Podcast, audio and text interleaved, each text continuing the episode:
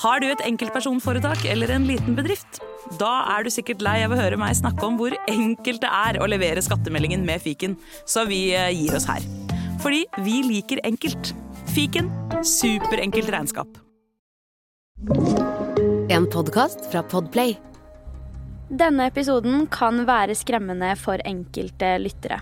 Om du er yngre eller sensitiv til drap, forsvinning eller beskrivelser rundt slike hendelser, så anbefaler vi at du lytter til episoden med noen du stoler på, eller skrur av.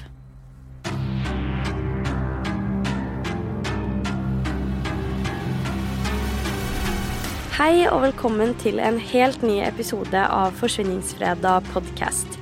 I denne ukens episode skal jeg ta for meg saken om Dalia Dipolito, som er en av de mest forstyrrende sakene jeg personlig har vært borti, men av en litt annen grunn enn du kanskje ser for deg. Saken du nå skal få høre, er alt annet enn normal, og egentlig så tror jeg ikke at du klarer å forvente deg hvilken avslutning saken har. Dersom du har noen tanker, meninger eller refleksjoner rundt denne saken, så håper jeg at du har lyst til å sende dem inn til meg på Instagram, der jeg heter Forsvinningsfredag.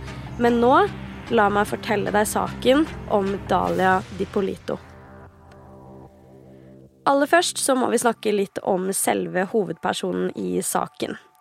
Dalia Dipolito ble født 18.10.1982 i New York i USA. Hun ble født Dalia Mohammed, men gifta seg senere til navnet Dipolito.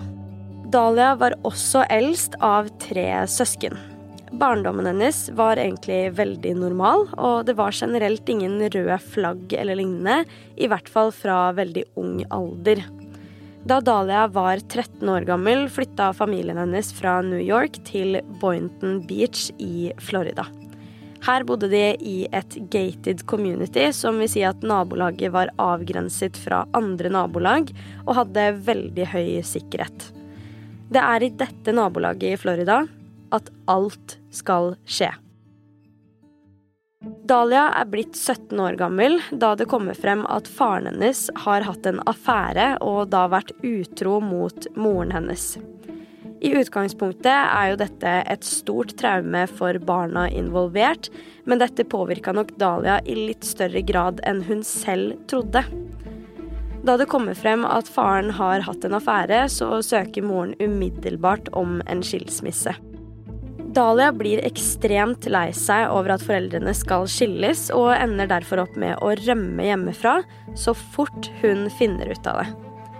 Som 17-åring setter hun seg på et fly tilbake til New York, men blir møtt av politiet så fort hun lander, og deretter sendt direkte hjem til Florida igjen.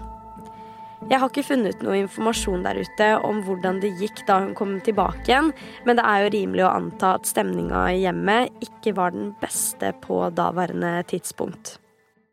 Som 19-åring kommer Dalia seg endelig ut i arbeidslivet og skal begynne å tjene sine egne penger. Dalias første jobb er imidlertid som eskorte. Faktisk så er det i denne jobben at hun møter sin fremtidige ektemann, nemlig Michael Dipolito. Fra nå av så vil vi referere til Michael som Mike, og i 2008 bestilte han en eskorte fra nettsiden som Dahlia jobbet for.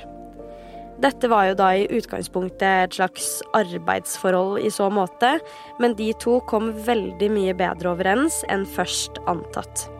De likte hverandre skikkelig, skikkelig godt, og skjønte vel ganske raskt at dette var noe de hadde lyst til å bygge mer på, og da møtes oftere. Det eneste problemet som sto i veien, det var at Mike var gift på tidspunktet. Likevel har Dahlia selv forklart at Mike forsikret henne om at han var i en skilsmisseprosess, og at dette ville ordne seg veldig raskt. Til tross for alt dette så tar det ikke veldig lang tid fra de møttes for første gang i 2008 og til de bestemmer seg for at de skal gifte seg. Allerede i februar 2009 har Dahlia en ring på fingeren og har giftet seg uten at noen i familien hennes visste noe som helst om det. La oss snakke litt mer om denne Mike Dipolito. Han hadde nemlig en ganske lang historikk med kriminalitet, og hadde bl.a. en dom på seg for svindel samt besittelse av ulovlig rusmiddel. Da han hadde gifta seg med Dahlia, var han faktisk på prøvetid etter å ha sonet syv måneder i fengsel. Likevel virker det som at forholdet til Mike og Dahlia går pent og rolig for seg. Noen ville til og med sagt at det så rosenrødt ut. På innsiden av forholdet var sannheten imidlertid en helt annen, med mange hemmeligheter og skjulte planer. Det viser seg at Dahlia egentlig hadde to hemmelige elskere, og at hun elsker å ha menn tvinnet rundt lillefingeren. Den ene av disse elskerne syns jeg personlig er veldig interessant. Dahlia satte nemlig opp en hel historie for å lure Mike trill rundt. Mike fikk fortalt at denne elskeren var en advokat som kunne hjelpe han når det kom til Mikes dom, og gi han råd slik at han kunne gjøre ting så riktig som overhodet mulig. Denne elskeren opptrådde da som en falsk advokat som bekreftet overfor Mike at han var ferdig på prøvetid etter Dalias ønske. Hun ville nemlig at Mike skulle tro at han var ferdig på prøvetid, slik at han forhåpentligvis brøt reglene som ble satt for prøvetiden hans. Hun ønska jo av en eller annen grunn at han skulle inn i fengsel igjen, så dette var visstnok den enkleste måten å få til det på, i samarbeid med den ene elskeren hennes. Den andre elskeren hennes har mye større betydning for saken, og han heter Mohammed Shahadi. Denne mannen hadde Dahlia kjent i rundt 15 år på tidspunktet.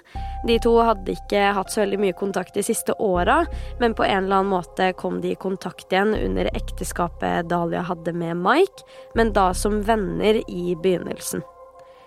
I juli 2009 begynner Dahlia for alvor å irritere seg over den kriminelle historikken til Mike, og dette prata hun mye med Mohammed om. Hun fortalte at hun ønsker seg en permanent løsning på problemet. Løsningen den kunne imidlertid ikke være skilsmisse, for hun mente at Mike da kom til å komme etter henne fordi han kjente folk innenfor organisert kriminalitet. I samme samtale forteller Dahlia til Mohammed at hun blir mentalt misbrukt av Mike, og spør litt senere i samtalen om ikke Mohammed kjenner noen som kunne tatt livet av mannen hennes. Mohammed svarer da nei, og tar herfra et valg som virkelig endrer retning for saken. Mohammed ender nemlig opp med å kontakte politiet og fortelle at Dahlia planlegger et drap på ektemannen sin. Det er nå politiet virkelig kommer på banen, og saken tar en helt uventa vending. Politiet utfører nå en skjult etterforskning på bakgrunn av tipset fra Mohammed, og det før noe i det hele tatt hadde skjedd. I samarbeid med Mohammed setter de opp skjulte kameraer i bilen hans, slik at de kunne fange opp hva som blir sagt neste gang Mohammed skal møte Dahlia. Hør på dette. It's not even over like it's not even about Okay, well, I'm trying to say is, uh, this guy's a professional. It's not all he does is get it done. That's it. It's right. I know him. You know, like he's good at it. But now, how am I supposed to know what day he's going to do it? He might tell you, oh, like, to get out of town or something for a day. I'm not going out of town. His mom is not going to be suspicious of you or anything like Why that. Why me? You know what knowing somebody, that... you know, nobody's going to be able to point a finger at me. I denne samtalen hører vi jo ganske tydelig hvilke planer Dahlia har, som resulterer i at politiet nå velger å sette opp en falsk situasjon for å se hva Dahlia gjør underveis. I forkant av den siste samtalen Mohammed hadde med Dahlia, så hadde politiet bedt Mohammed om å si at han kjente en som kunne gjøre det for henne.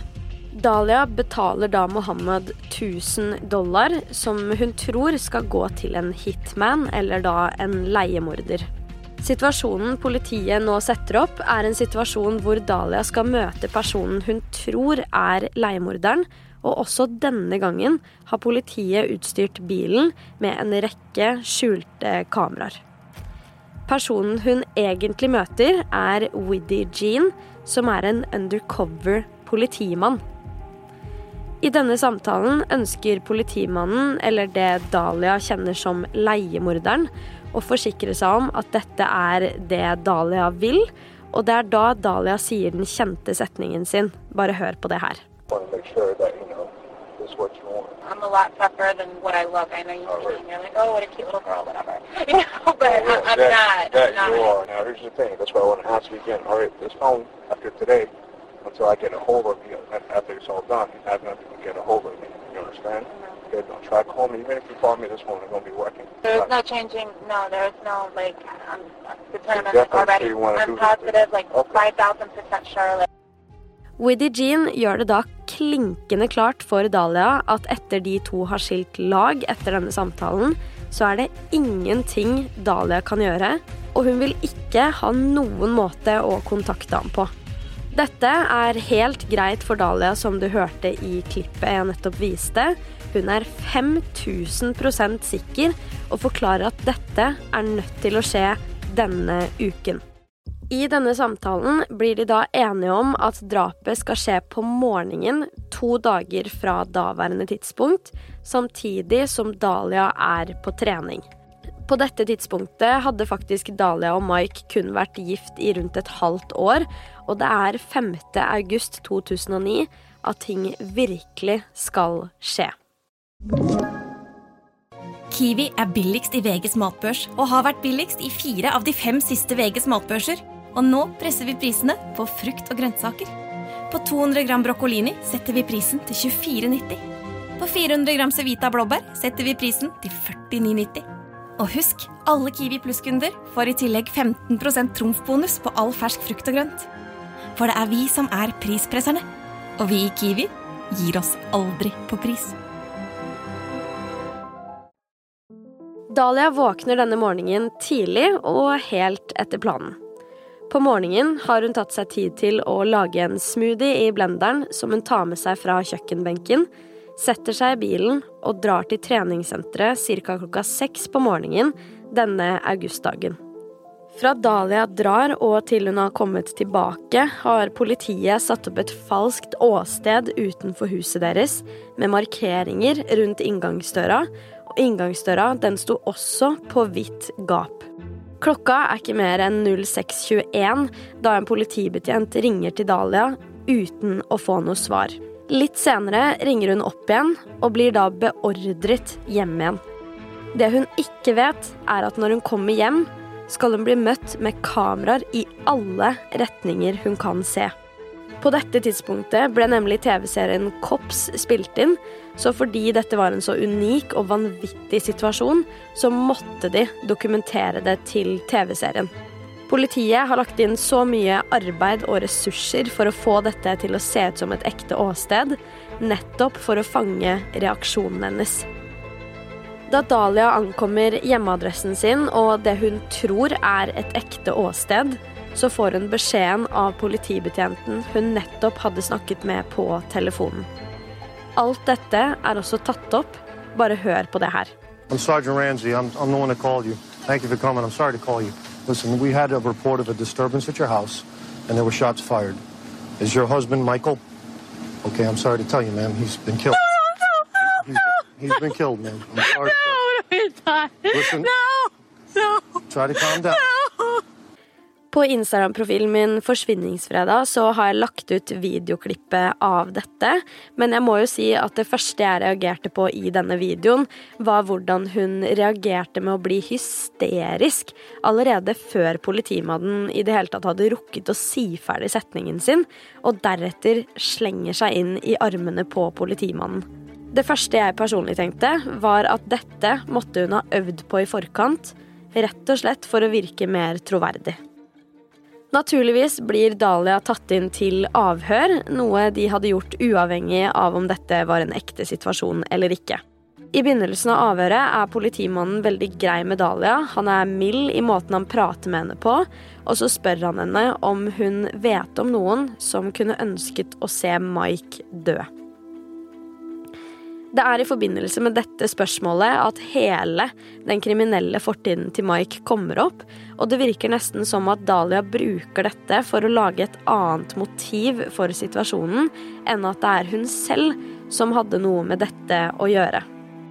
Politiet drar den faktisk også så langt at de tar inn Widdy Jean også, og later som at de har pågrepet han i forbindelse med saken. Som vi snakket om tidligere, så er jo dette mannen Dahlia kjenner som leiemorderen. I avhørsrommet blir Dahlia da spurt om hun har sett denne mannen før, og ikke sjokkerende sier hun at hun aldri har sett han før i hele sitt liv. Politimannen som nå avhører Dahlia, blir etter hvert lei av hvordan hun fremdeles spiller et skuespill for dem. Han snur seg plutselig helt om og forteller Dahlia rett frem at hun er under pågripelse og kommer til å havne i fengsel. Dahlia fortsetter likevel skuespillet sitt, bare hør på det her. That's an undercover police officer. We filmed everything that you did, recorded everything that you did. You're going to jail for solicitation of first degree murder of your husband. I didn't do anything. Did you hear what I just told you? I heard what you said, but I didn't Everything, listen to me. Everything has been recorded. You were photographed in the convertible when you sat in his car in the front of CVS. What do you want to do? Oh, what do you want to do here? I didn't do anything. Listen to I me. Do anything. You're going I to jail. Please, I didn't do anything. Tell me didn't do anything? Da Dahlia får vite at Mike ikke egentlig er død, ser man godt at hun får fullstendig panikk og forsøker å beordre Mike inn i rommet der hun sitter i varetekt.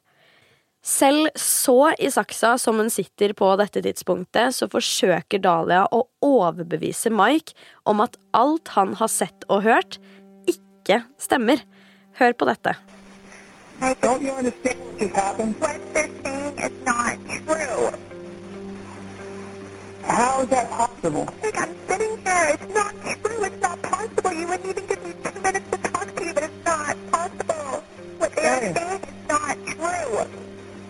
How in the hell did I hear it and see it? I heard what you heard. It's not true. I heard Det er jo ganske sykt at hun ikke engang etter å ha blitt tatt så kraftig i det med så knallsterke bevis, at hun ikke da engang velger å overgi seg og fortelle sannheten. Hun sto på sitt til det siste, men endte likevel opp med å bli dømt til 16 år i fengsel for å planlegge drap på ektemannen sin ved hjelp av en leiemorder i juli 2017. I dag er Dalia Dipolito 40 år gammel og soner fremdeles dommen sin i fengsel. Året før hun mottok eh, dommen sin, fødte faktisk Dalia en sønn, og i rettssaken delte Dalias mor navnet på barnefaren. Han heter visst Robert Davis og har ganske lang historikk med kriminalitet, bl.a. for besittelse av ulovlige rusmidler. Det høres kanskje kjent ut, for det var nemlig nøyaktig det samme som Mike hadde, og som Dahlia ble så lei av, ut ifra hva hun har forklart, i det minste. Du har hørt Forsvinningsfredag podkast med meg, Sara Høydahl. Tusen takk for at du har lytta til episoden. Jeg er tilbake med en ny en allerede neste fredag, og i mellomtiden, ta vare på deg selv.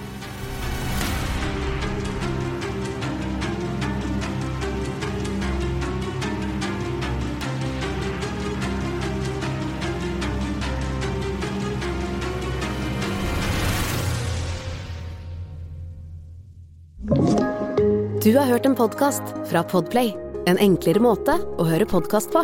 Last ned appen Podplay eller se podplay.no.